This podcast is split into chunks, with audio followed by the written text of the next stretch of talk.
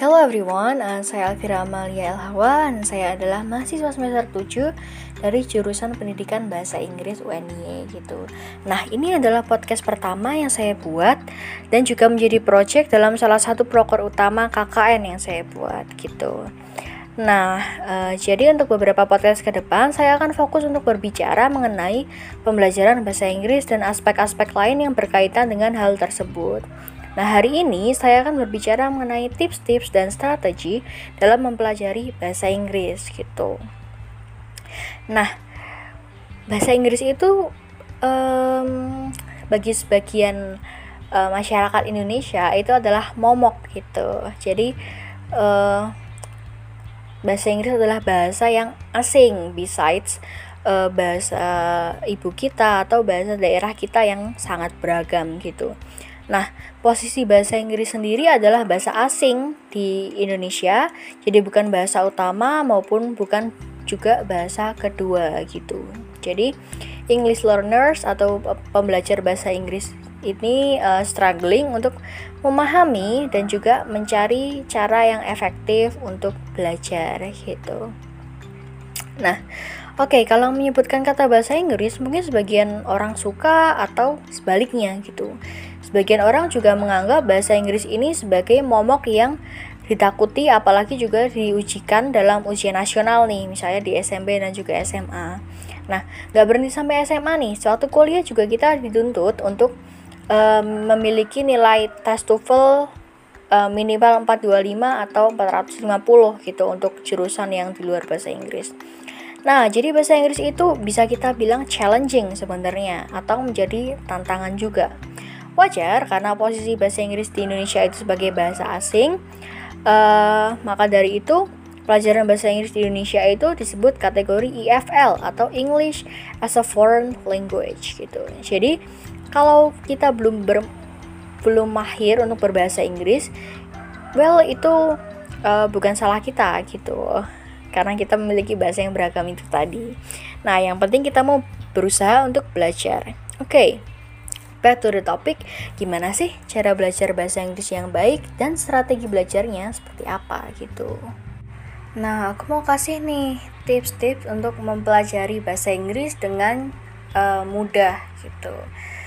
Nah, uh, yang pertama adalah mempelajari dari hal-hal yang kita sukai, misal uh, mendengarkan lagu, nonton film atau drama dengan subtitle bahasa Inggris, uh, video game, uh, atau bisa juga dengan download aplikasi di Play Store mengenai pembelajaran TOEFL, IELTS dan sebagainya. Dan juga uh, bisa juga belajar bahasa Inggris dengan menggunakan assessment SILL atau SIL dan beberapa strategi yang disukai gitu. Nah, Oke, untuk penjelasannya, kalau saya sendiri sih percaya bahwa belajar itu bisa dimulai dari hal-hal yang kita sukai terlebih dahulu. Nah, seperti yang paling sederhana nih, kita misal suka nonton film barat yang menggunakan bahasa Inggris atau menggunakan atau menonton drama favorit kita menggunakan subtitles bahasa Inggris gitu. Nah, sedikit banyak kegiatan ini tuh bisa menambah vocabulary kita dan membiasakan telinga kita untuk mendengarkan kalimat bahasa Inggris gitu. Misal ketika kita menonton film barat. Nah, jadi kuncinya di sini adalah pembiasaan gitu guys. Kalau misalnya kita uh, sering speaking pakai bahasa Inggris, sering nyanyi-nyanyi pakai bahasa Inggris atau mendengarkan bahasa Inggris, lama-lama kita tuh akan familiar dengan bahasa tersebut gitu. Nah, uh, kegiatan kedua yang mengasihkan gitu bisa uh, dengan video game gitu. Emang kita bisa belajar pakai game? Ya bisa banget sih. Kayak misal kita uh, main game The Sims atau Harvest Moon gitu yang pakai bahasa Inggris. Biasanya kan uh, hal-hal gitu juga sedikit banyak bisa nambah vocabulary gitu. Dan ada juga game-game yang uh, kayak untuk gamer tuh harus gabung di Discord atau harus komunikasi dengan teman main yang ada di luar di luar negeri gitu. Misalnya uh, mereka main PUBG sama strangers gitu. Mereka ngobrol pakai bahasa Inggris itu sering sering banget terjadi dan itu kalau misalnya dibiasakan sebenarnya uh, cukup baik untuk meningkatkan kemampuan kita. Well, tapi jangan pakai alasan ngegame untuk pakai untuk belajar bahasa Inggris juga ya. Maksudnya jangan terlalu sering gitu. Jadi misalnya kita uh, punya waktu senggang di luar belajar bahasa Inggris secara formal, kita bisa melakukan hal-hal tersebut. Jadi praktis gitu di luar uh, pembelajaran yang formal. Nah, ada salah satu strategi lagi nih, namanya SEAL atau Strategy Inventory for Language Learning. Jadi SEAL itu adalah strategi pembelajaran bahasa yang awalnya dikembangkan oleh Rebecca L. Oxford yang kemudian dipublish tahun 1986. Nah, jadi uh, pengembang SEAL ini percaya jika pembelajaran bahasa yang sukses itu cenderung menggunakan strategi yang baik dan kesadaran akan pentingnya strategi ini bisa meningkatkan kualitas pembelajaran gitu. Survei pada strategi pembelajaran bahasa menggunakan kuesioner yang uh, berisi item gitu. Jadi SIL ini ada survei, ada yang ada beberapa item gitu. Jadi contohnya uh, itemnya berisi seperti ini. Misal, saya menggunakan kata-kata baru dalam kalimat sehingga saya dapat mengingatnya. Jadi uh, misal kita uh, menemukan new words atau new vocabulary dari novel gitu. Misalnya apa ya? Misal kata uh, jeopardy gitu, jeopardy. Jeopardy itu artinya uh, dangerous, bisa dangerous gitu. Nah, itu kan uh, jarang banget kan kita temuin kata-kata itu gitu. Nah, strateginya adalah saya menggunakan uh, kata yang baru itu dalam kalimat gitu. Kemudian strategi lainnya contohnya adalah saya menggunakan kartu flash atau flashcard untuk mengingat kata-kata bahasa Inggris yang baru. Oh, berarti ada juga orang yang punya strategi belajar dengan uh, flashcard seperti itu. Kemudian juga ada strategi lain. Jadi uh, saya tidak menerjemahkan kata demi kata gitu.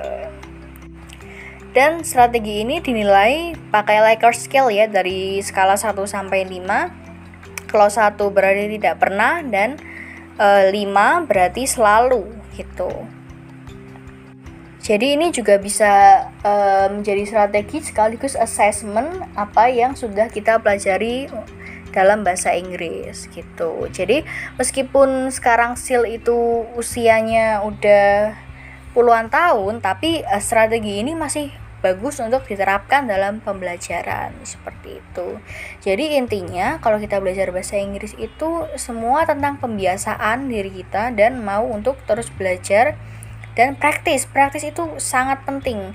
Uh, bohong banget kalau orang yang pintar bahasa Inggris itu jarang praktis, nggak nggak mungkin. Pasti mereka pasti mereka sering uh, having conversation in English. Mereka pasti sering uh, mendapatkan input bahasa Inggris juga, sering mendengarkan bahasa Inggris atau sering berbicara seperti itu. Jadi, well kata orang practice makes perfect. Jadi jangan pernah uh, bosan untuk berlatih dan kalau misalnya salah salah-salah dikit, misalnya ada salah grammar atau apa gitu. Jadi jangan cepat nyerah gitu. Karena kesalahan dalam berbahasa itu sangat-sangat wajar apalagi uh, bahasa itu bahasa asing bagi kita. Jadi uh, don't stop learning dan keep learning English dengan cara yang kamu sukai seperti itu. Uh, that's all for me. Have a good day.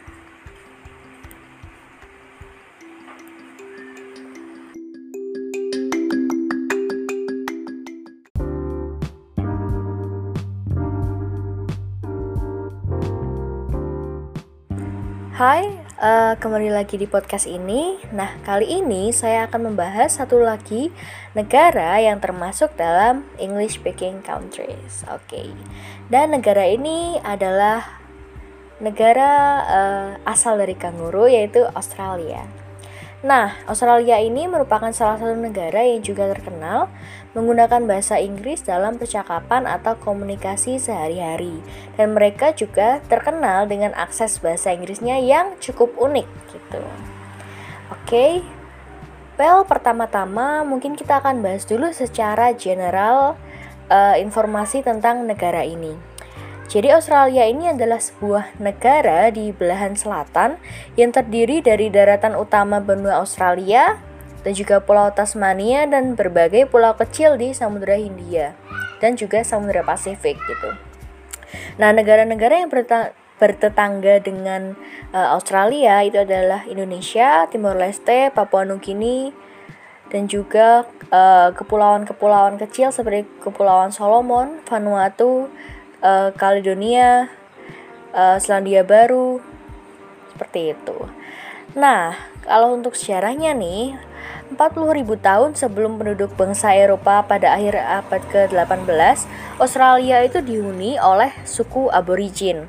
Nah, Australia sampai sekarang masih menjadi negara persemakmuran dari negara Inggris gitu. Nah, Mungkin itu adalah yang mempengaruhi kenapa mereka juga termasuk uh, dalam uh, salah satu English speaking countries. Jadi gini sejarahnya. Jadi pada tahun 1600-an uh, eh, imigran Eropa itu datang ke Australia uh, dan mereka adalah orang-orang Belanda gitu. Nah, di akhir abad 18 Inggris mulai menduduki benua ini dan menjadikannya sebagai tempat pembuangan para pelaku kriminal pada saat itu. Nah, kemudian pada abad ke-19 ditemukan tambang emas di Australia sehingga benua itu ramai dan banyak didatangi oleh para imigran. Nah, sejak saat itu mereka mulai untuk memperjuangkan kemerdekaan untuk mengatur sendiri Australia terlepas dari kontrol Inggris gitu. Nah, tapi sampai sekarang Australia itu masih dalam uh, gabungan persemakmuran Inggris. Ya, jadi kalau sekarang uh, Australia itu merupakan salah satu negara maju yang makmur dan memiliki tingkat ekonomi terbesar ke-13 di dunia. Nah, Australia ini berperingkat tinggi dalam banyak perbandingan kinerja antar bangsa seperti pembangunan, e, mutu kehidupan, perawatan, kesehatan, harapan hidup, kemudian pendidikan, ekonomi, e, perlindungan kebebasan sipil dan hak-hak politik gitu ya. Jadi mereka termasuk dalam negara maju. Nah, setelah kita bahas mengenai informasi umum dari negara ini, Uh, mari kita beralih membahas budaya masyarakat di negara Australia. Nah, yang pertama adalah nilai dan juga uh, kepercayaan uh, orang Australia ini. Jadi uh, di negara tersebut uh, masyarakatnya tuh udah sangat open minded gitu. Mereka sangat menjunjung tinggi dan menghormati hukum gitu. Mereka juga sangat uh, menghargai kebebasan individu dan juga menjunjung tinggi keadilan. Well, seperti halnya negara lain, ada juga orang yang uh, mencemooh hukum atau uh, melanggar hukum dan juga mencoba melanggar kebebasan orang lain. Tapi secara umum orang orang-orang Australia ini negara yang aman, bebas dan uh, juga memiliki lingkungan yang bersih juga. Mereka lifestyle-nya juga santai dan budayanya juga lebih santai gitu. Nah, kalau untuk kesetaraan gender, nah kesetara kesetaraan antara pria dan juga wanita ini terus berkembang. Namun um, Australia juga dianggap progresif menurut standar dunia. Sebagian besar uh, orang Australia itu orangnya toleran, ramah dan juga patuh gitu. Sebagian besar dari penduduk mereka juga memeluk agama Kristiani seperti itu. Nah, mereka itu juga uh, meskipun mayoritas adalah Kristiani tapi mereka multikultural gitu. Sebagian besar agama dunia uh, dipraktikkan di sini. Jadi ada banyak gereja ada banyak masjid dan juga kuil di sana. Nah setelah kepercayaan yang kedua adalah uh, kebiasaan orang-orang Australia saat bertemu orang. Saat ketemu orang Australia biasanya mereka tuh akan berjabat tangan. Nih ya. mereka menyapa, menyapanya dengan berjabat tangan dengan tangan kanan nih.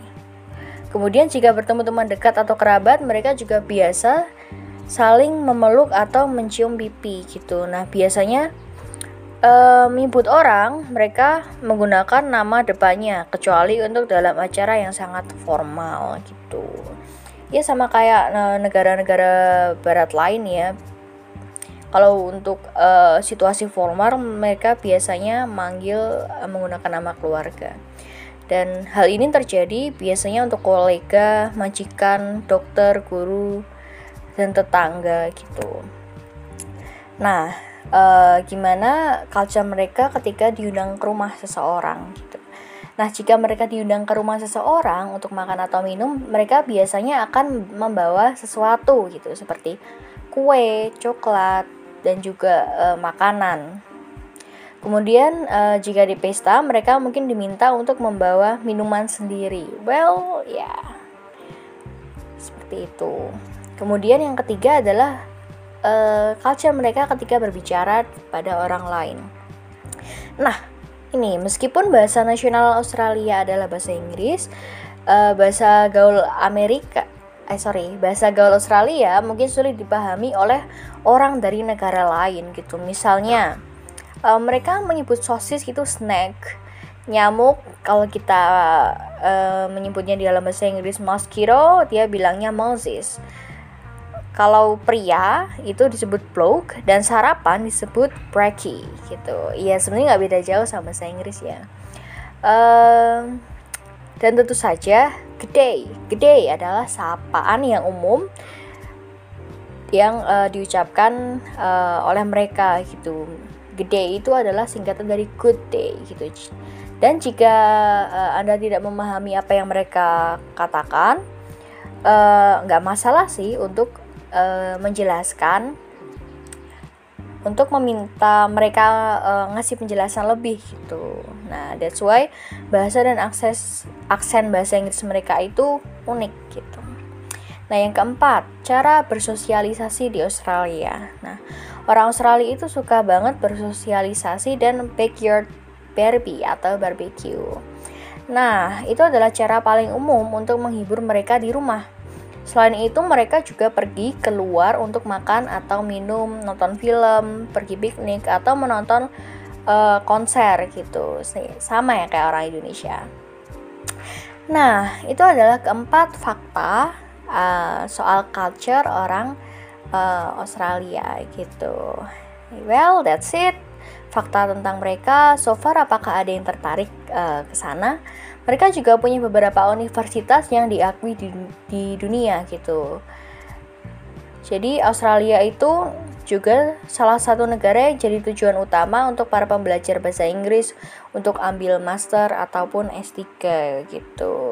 Kalau uh, di UNY sendiri itu banyak banget dosen uh, eh, PBI-nya yang uh, ambil master atau S3 di Australia gitu. Nah, kalau kalian tertarik, kalian juga bisa uh, pendidikan di sana gitu. Well, uh, that's all pembahasan English speaking countries untuk podcast ini. Thank you for listening and have a good day.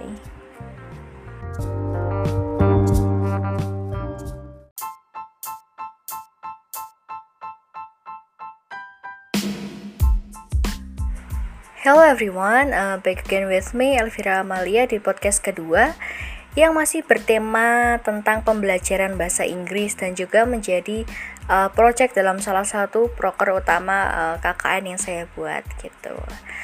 Nah, sesuai judulnya hari ini saya akan membicarakan tentang speaking anxiety. Tapi sebelum itu uh, kita akan bahas dulu bahwa di zaman sekarang itu betapa pentingnya kemampuan untuk berkomunikasi atau lebih khusus kemampuan berbicara dengan publik gitu. Jadi berbicara di depan umum. Bahkan skill ini tuh menjadi salah satu faktor terpenting dalam menentukan apakah kita diterima dalam sebuah pekerjaan atau tidak gitu.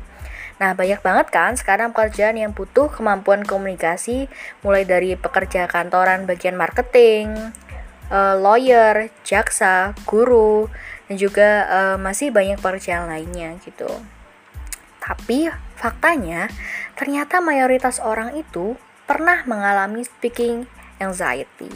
Oke, okay? jadi apa itu speaking anxiety?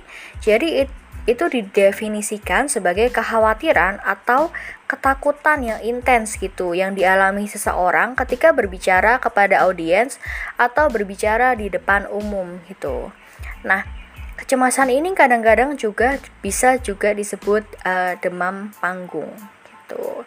jadi kayak ada misalnya yang uh, kok sebelum tampil rasanya mules ya rasanya deg-degan banget ya nah mungkin itu adalah salah satu ciri dari speaking anxiety gitu nah uh, seberapa sering sih hal ini terjadi pada seseorang Well, bentuk kecemasan ini sebenarnya sangat umum terjadi. Jadi menurut data dari The Challenge of Effective Speaking dari Rudolf V. Federbert uh, melaporkan bahwa sebanyak 76% orang uh, mereka itu berpengalaman untuk merasa takut sebelum menyampaikan uh, pidato atau sebelum speech gitu. Nah, uh, Sheldon Sheldon Metcalf, seorang penulis dari Building a Speech, membenarkan bahwa ketakutan ini adalah hal yang biasa sebenarnya.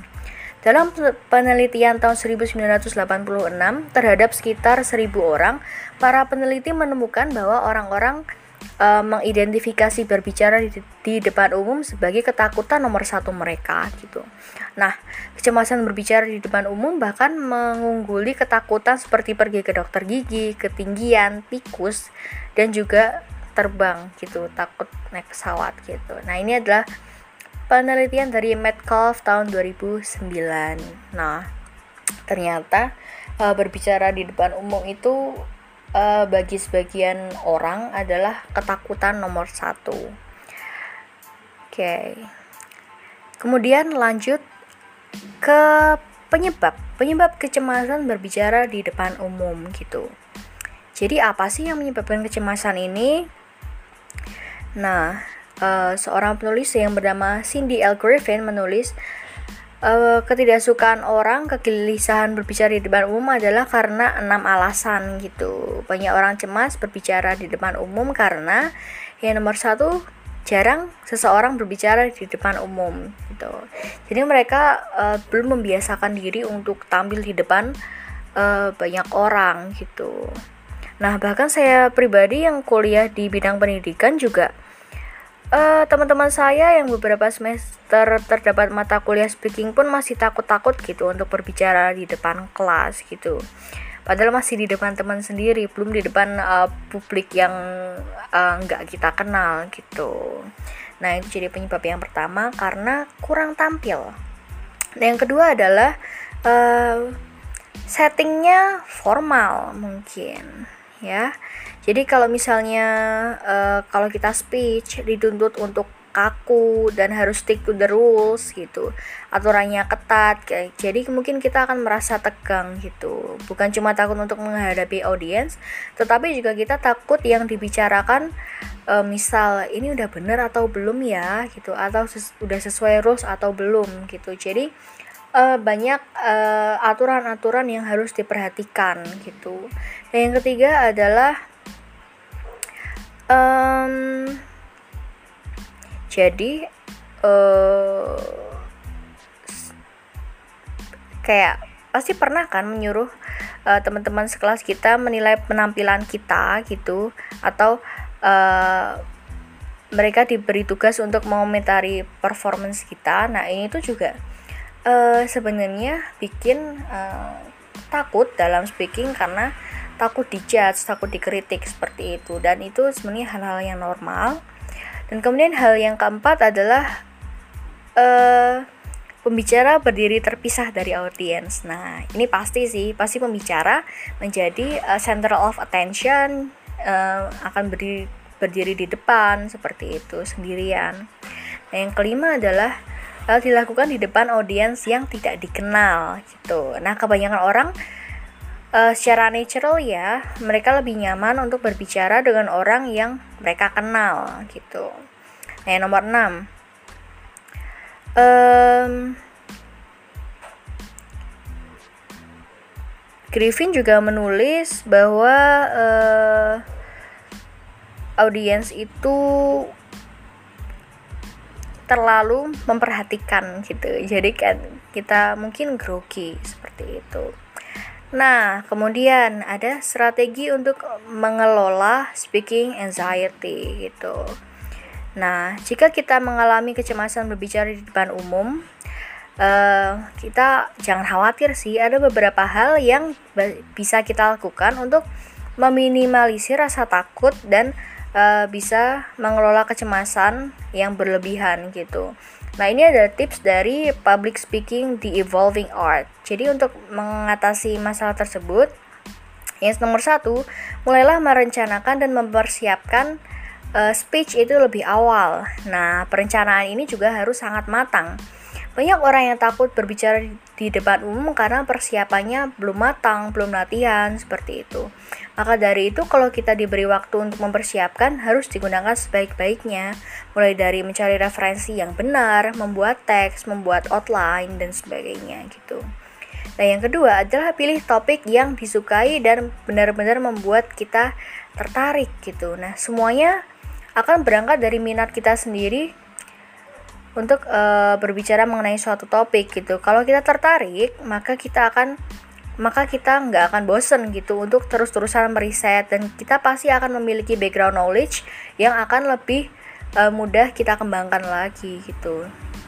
Yang ketiga adalah uh, menjadi ahli dalam topik yang telah kita pilih gitu. Jadi jangan bosan untuk uh, meriset, uh, mencari informasi yang valid sebagai sebanyak-banyaknya dan uh, kita harus memilih mana yang penting untuk disampaikan gitu. Nah, yang keempat teliti audiens Anda. Nah, ini penting banget untuk menentukan seperti apa speech yang akan kita sampaikan gitu.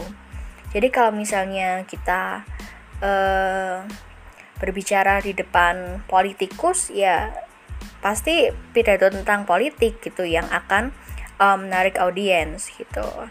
Nah, yang kelima, practice ya. Seperti kata orang ya, practice makes perfect. Jadi kita harus berlatih speech sebelum tampil gitu jadi kita harus benar-benar uh, maksimalkan waktu untuk uh, berlatih dan kita juga bisa berlatih dengan uh, merekam untuk mengetahui di mana letak kesalahan yang kita lakukan dan uh, akan kita perbaiki lagi sebelum semuanya matang dan siap untuk ditampilkan. Nah, yang terakhir adalah Uh, kita harus mengetahui pendahuluan dan kesimpulan dengan baik. Ini dari Koopman and Lal tahun 2012. Ya, ini penting banget untuk pendahuluan kalau di pidato misal ya. Itu namanya uh, attention getter. Jadi hal hal-hal atau kalimat yang kita ucapkan untuk menarik attention dari audiens gitu. Nah, Eh, kita bisa membuka sebuah pidato dengan quotes atau fakta menarik dan lain sebagainya dan juga uh, kita harus membuat kesimpulan yang baik gitu pada akhirnya. Well, that's all guys. Uh, kita udah bahas tentang speaking anxiety, pengertian, kemudian uh, dan juga strategi untuk mengelola kecemasan dan juga penyebab uh, speaking anxiety itu terjadi yang mungkin terjadi dalam diri kita gitu. Jadi uh, kalau kita mengalami ini sebenarnya nggak harus panik uh, karena sebagian besar orang juga mengalami hal ini uh, penting banget untuk tahu penyebab kenapa kita takut uh, berbicara di depan umum dan uh, setelah kita tahu apa penyebabnya mungkin kita nanti akan jadi tahu bagaimana cara mengatasinya. Seperti itu. Jadi I think that's all. Thank you for listening. Have a good day